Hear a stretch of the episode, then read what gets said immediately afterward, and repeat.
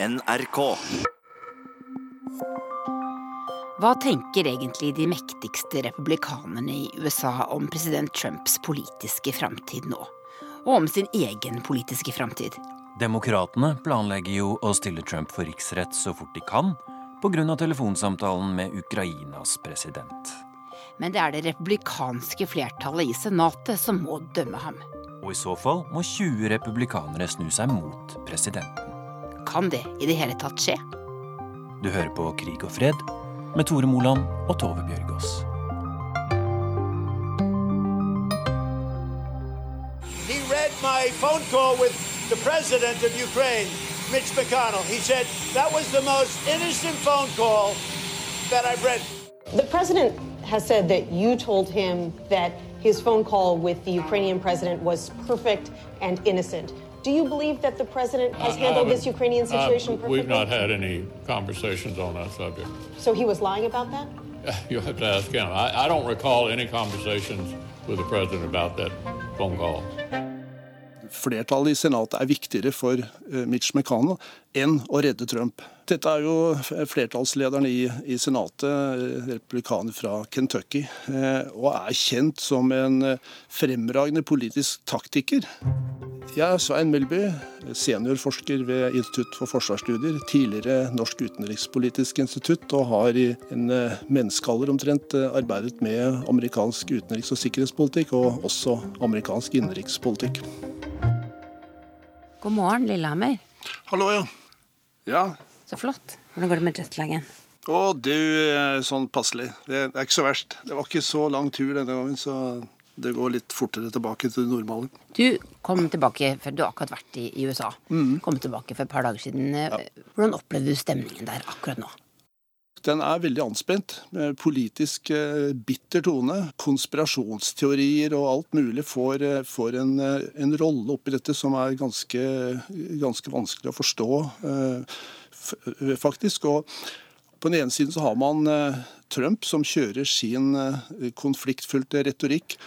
Og så må man også si at eh, media i USA er eh, De har jo alltid vært eh, Disse nyhetskanalene vært politisert, men det har gått ganske mye lenger nå. Og, og man har på den ene siden Fox News, som kjører jo den replikanske og Trump-linjen.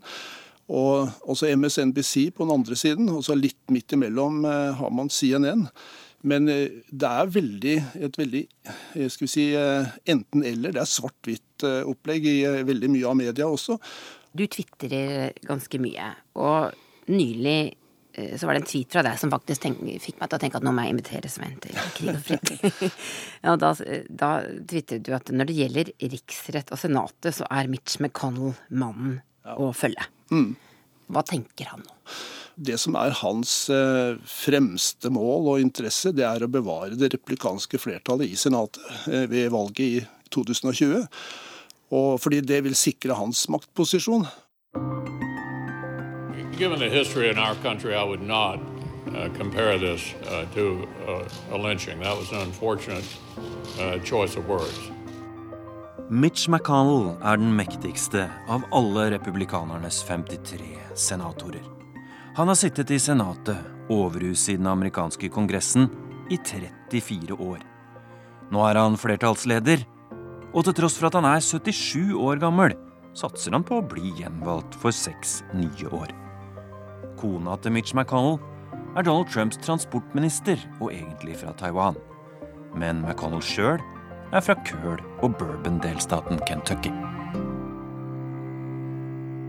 Så han har en direkte interesse i, i dette her. Og eh, det er derfor jeg skrev i denne Twitteren at eh, hvis denne riksrettsprosessen skulle utvikle seg på en sånn måte at eh, Trump blir en, utgjør en trussel mot replikansk, fortsatt replikansk flertall i Senatet, så, så kan McConnell eh, komme til å eh, skal vi si, gjøre det mulig for replikanere å stemme med demokratene i en eventuell riksrettsavgjørelse i Senatet. Hva er det du tror må til for at de skal kvitte seg med? Jeg tror nok eh, at det må til eh, mer av klare bevis for at eh, presidenten har presset Ukraina for å drive etterforskning og offentlig gå ut med at de etterforsker Bidens og sønnens anliggende i Ukraina, og at han presset dem for å da gjøre dette mot å gi denne militære økonomiske assistansen som jo Kongressen hadde vedtatt, men som han holdt tilbake. Så hvis det er klare beviser for det, blir det nok vanskelig eh, for republikanere å stemme for at eh, Trump skal overleve, eller stemme mot en fellende dom. Men eh, vi er nok ikke der ennå. Jeg tror kanskje det som ville være avgjørende, var om sentrale medarbeidere til Trump, som f.eks. daværende sikkerhetspolitisk rådgiver John Bolton, hvis han kommer i i eh, høringer i denne prosessen og eh, forteller i klartekst at det var akkurat dette som skjedde, så tror jeg det at eh, republikanerne nok kanskje, og McConnell, vil skjønne at dette er en så vanskelig sak at man ikke har noe annet valg. Men vi får se. Vi er ikke der ennå, selv om det har kommet ganske mange skal si, vitneutsagn som trekker i en sånn retning. Men kan vi ikke bare ta et skritt tilbake? Bare forklar for, for, oss. Hva er det som er rollen til Senatet i denne riksrettsprosessen? Nå er det altså Representantenes hus som har startet mm. etterforskningen. Ja. I Senatet så har republikanerne flertall. Ja, altså Prosessen er jo at eh, det er Representantenes hus som tar forundersøkelser, og som eventuelt eh, kommer med eh, tiltalepunkter, altså at man, har, man reiser en riksrettssak mot presidenten med da noen tiltalepunkter. Så får eh, man flertall for eh, å reise riksrett, så har da, har da Representantenes hus gjort sin del av jobben. Og da kommer selve saken opp i Senatet. Det er de som da skal dømme presidenten fra embetet, eller velge å la han sitte. Og Det må jo da to tredjedels flertall i Senatet til for å få en fellende dom. Så 67 senatorer må stemme for eh, å avsette presidenten.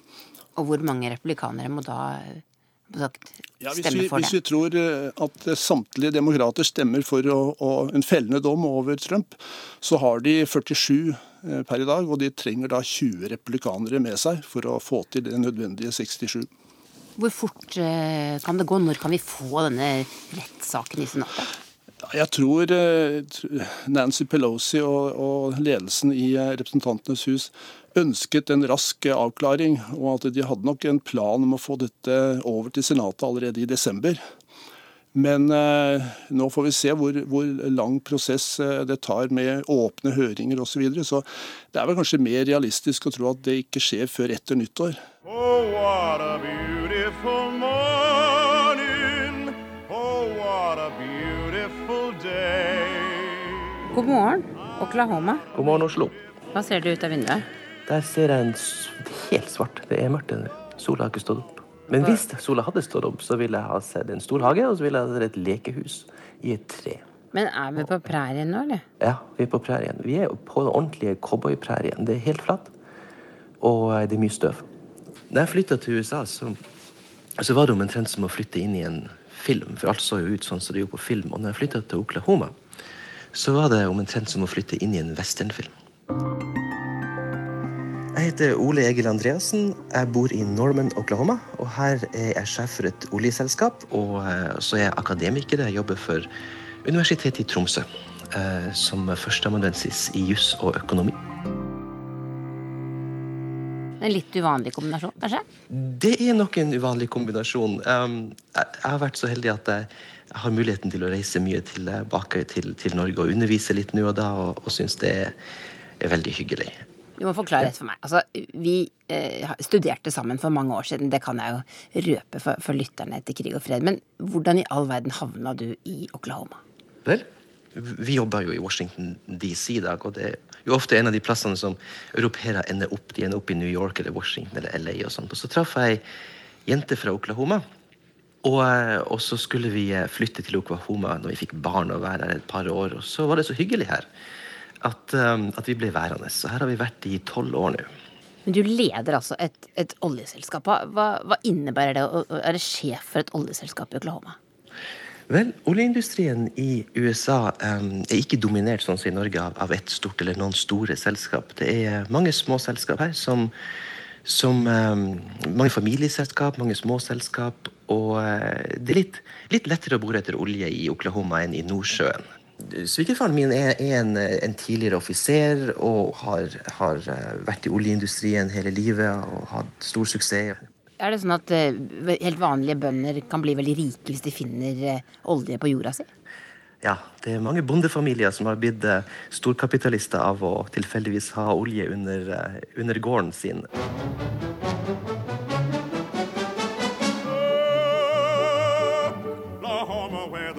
comes sweeping down the plain, and the waving wheat can sure smell sweet when the wind comes right behind the rain. Det er ikke mange amerikanske delstater som har sin egen musikal, men det har Oklahoma. I Rogers og Hammersteins Oklahoma fra 1943 blir vi kjent med nybyggere på den forblåste prærien. Ikke minst med bondedattera Laurie Williams og hennes to beilere. Delstaten Oklahoma var en av de siste som ble del av USA så seint som i 1907. I dag står republikanerne veldig sterkt her. I 2016 fikk president Trump 65% av stemmene. Hillary Clinton fikk bare 28. Det er ikke sånn at man sitter på kafeen og diskuterer de store linjene i utenrikspolitikken. Man diskuterer kanskje mer enkeltsaker. Og hva med Trump? Hvordan diskuterer folk på kafeer der du er nå, Trump? Det som er så fascinerende, er at man diskuterer egentlig ikke Trump. Det tror jeg det er to grunner til. Det første er at det er veldig langt mellom Oklahoma og Washington DC. Um, nordmenn kanskje, følger kanskje enda mer med på det Trump gjør, enn det folk i Oklahoma gjør. Det er det første. Og så er det også sånn at Trump har, av det her med, med at han reflekterer en identitet som folk her kanskje ikke er villige til å gi slipp på helt ennå, eh, eller kanskje aldri blir villige til å gi slipp på, så ser de gjennom fingrene med mye av det tullet som han gjør. Det er det, Hvis man påpeker påpeke eh, noe av de her tingene som er veldig lite presidentaktig, som Trump gjør når han tvitrer og sånn. Så sier folk typisk jo jo, ja ja, det var kanskje litt dum måte å gjøre det på, men han har jo, han har jo rett. Uh, så det er, mye, det er veldig mye vilje til å akseptere Trump sin, sin stil, når han tross alt er en representant for en del av Amerika som kanskje føler seg oversett uh, de her siste årene de tingene som Trump blir satt under etterforskning for nå, er ikke ting som jeg hører her at folk tar spesielt alvorlig. Hva Trump har sagt på en telefonsamtale med en eller annen i Ukraina, er ikke noe som folk er bekymra for. Det som uh, det Trump nettopp gjorde ved å trekke styrken ut av Syria, er heller ikke noe som folk er bekymra for. Dette er en militærstat Uh, mye av det amerikanske militæret kommer fra stater som, Oklahoma. Ikke offiserene, men mye av de menige. Uh, og de lavere uh, gradene i militæret. Og offiserer også, selvfølgelig. Men folk her vil gjerne ha militæret tilbake til USA, selv om de er folk som holder det de lover. sånn at når man bryter et løfte til kurderne, så liker de ikke det. Men de vil også gjerne ha folk tilbake hjem.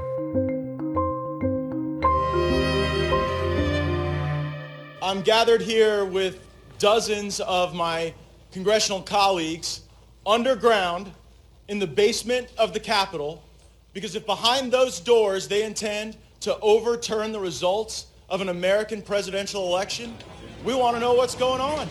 Nylig storma 30 republikanske kongressrepresentanter et høringsrom i kjelleren i kongressbygningen. We're going to go and see if we can get inside. So let's, uh, let's see if we can get in. De okkuperte det i flere timer for å demonstrere mot demokratenes prosess mot president Donald Trump. Men det er altså ikke disse politikerne som avgjør. Det er de mer erfarne kollegaene deres i Senatet som til slutt må bestemme om Donald Trump skal avsettes, med to tredjedels flertall. Eh, en viktig del av eh, det replikanske partiets velgere er eh, helt åpenbart på linje med Trump i veldig mange spørsmål. Og det å utfordre Trump, det er en risikosport hvis man ønsker gjenvalg. Washington Post har snakket med en del senatorer i Det republikanske partiet og amerikanske medier de bruker jo ofte anonyme kilder, og da kan de få litt bedre sitater enn det vi kan i norsk presse. Og en av disse anonyme senatorene han sier at dette føles som en skrekkfilm. Ja. Tror du det er slik de opplever? Ja, jeg tror, eh, jeg tror de, har, de, har, store problemer. eh, De, eh, som sagt, det er en skvises i et dilemma mellom å, å støtte presidenten og, og måtte skal vi si, avfinne seg med den opptreden som man nå ser til daglig. The decision to abandon the Kurds violates one of our most sacred duties.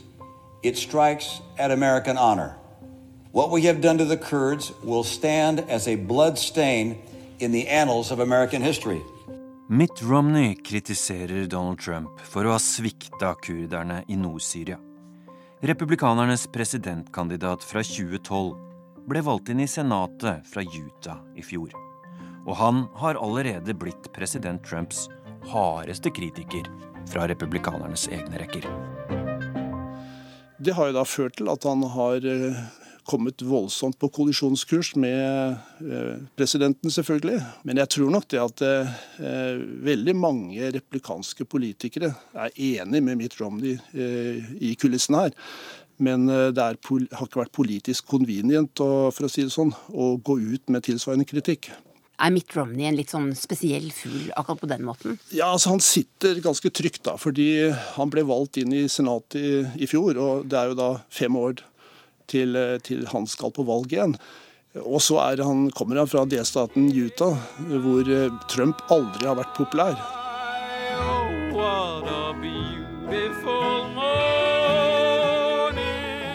Er folk stolte av den musicalen som er blitt oppkalt etter, eller som handler om delstaten deres? Ja, uh, musicalen Oklahoma er jo enda et, et godt uh, uttrykk for den, den, den uh, polariseringa som skjer i USA. Fordi at folk er veldig stolt av musicalen, var veldig stolt av musicalen. Og nå kom det en ny produksjon som ble lagd i New York av, av folk fra kysten, da, som er en sånn progressiv take på, på Oklahoma. og den har jeg ennå ikke møtt noen her som syns er spesielt representativ for det Oklahoma er.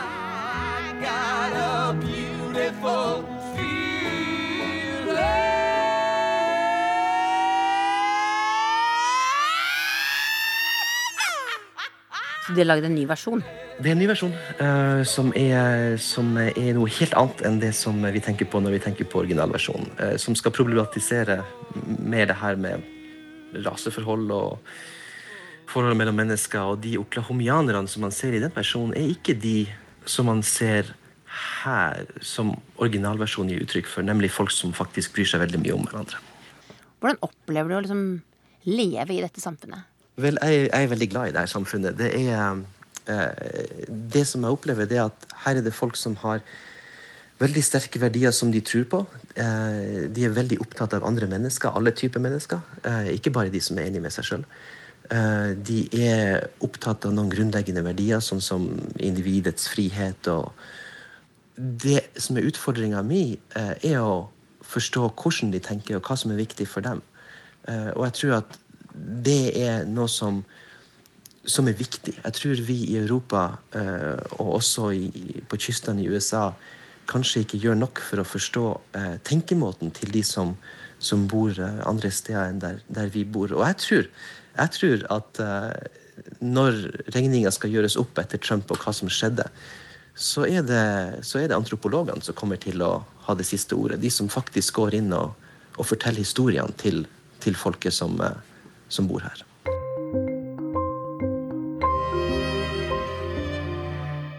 Svein Melby, hvis du skulle sette penga dine på noe ja. Riksrett eller ei, hva tror du? Nei, altså, Jeg er ganske sikker på, og det er vel ganske lav odds også, vil jeg tro, på at eh, Representantenes hus kommer til å vedta eh, et sett av eh, anklagepunkter og reise en riksrettssak mot Trump. Det spørs, store spørsmålet er hva som skjer i, senat, i Senatet. Vil du, spå, vil du sette penga på noe der? Ja, altså, Som jeg har sagt, det er en risikosport. Det, er vel eh, en dårlig odds, men kanskje det safeste å, tro at han overlever. Eh, og at det ikke er 20 replikanere som, eh, som, vil stemme for å fjerne han fra embetet. Men hvis man er gambler og vil ha høye odds og, osv., så videre, så er det ikke så gærent å, å sette noen penger på at han faktisk blir fjernet fra embetet også. Det er, det, er, det er, fullt mulig å tenke seg scenario hvor det skjer. Tror du vi vet det før eh, neste sommer, f.eks.? Å ja. Jeg tipper at, tipper at denne prosessen er i eh, havn ganske tidlig over nyttår. Hvis altså Trump blir felt. Ja. Hva er det som skjer da, ifølge Grunnloven? Ja, Da blir jo eh, Pence, eh, som nå er visepresident, han rykker opp til å bli president. da. Og Så må man da utnevne en, en ny visepresident. Men, men, jeg er ganske sikker på at Pence er ikke noen naturlig dominerende politiker på replikansk side. Og det vil være veldig overrasket om det ikke i en sånn tenkt situasjon dukker opp eh, tyngre politikere enn Pence for å, for å kjempe om nominasjonen i det replikanske partiet. Eh, vi har eh, John Kasich, som kan være en mulig alternativ. Nikki Haley, tidligere guvernør i South Carolina og FN-ambassadør for, for, Trump, er en annen naturlig utfordrer. Og det kommer sikkert til å melde seg på andre. Det vil være naturlig om Mitt Romney hadde eh, igjen prøvd seg, men eh, jeg er vel litt i tvil om, eh, om hans kandidatur, fordi han da vil måtte ha vært med og stemt Trump ut av embetet, og det er ikke det beste utgangspunktet for å, for å samle partiet for, foran et neste valg. Så ryker Trump, så er feltet åpent, og det blir en tøff kamp om nominasjonen, vil jeg tro. Da blir det litt av en valgkamp. Ja. Det gjør det. Men hvor langt ut i spekulasjonenes verden er vi nå? Nei, du, Vi er et stykke ut der. fordi eh, sånn Per i dag så, så ser veldig mye ut for at replikanerne vil sørge for at eh, Trump overlever riksrettsprosessen.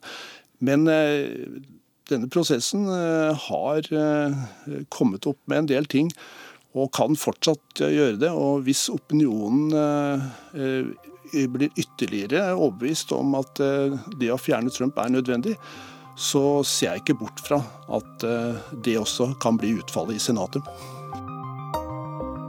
Du har hørt Krig og fred, en podkast fra NRK Urix. Lydregien var ved Hans Ole Hummelvold. At some point, I'm going to be so presidential that you people will be so bored and I'll come back as a presidential person. They'll say, but boy, he really looks presidential.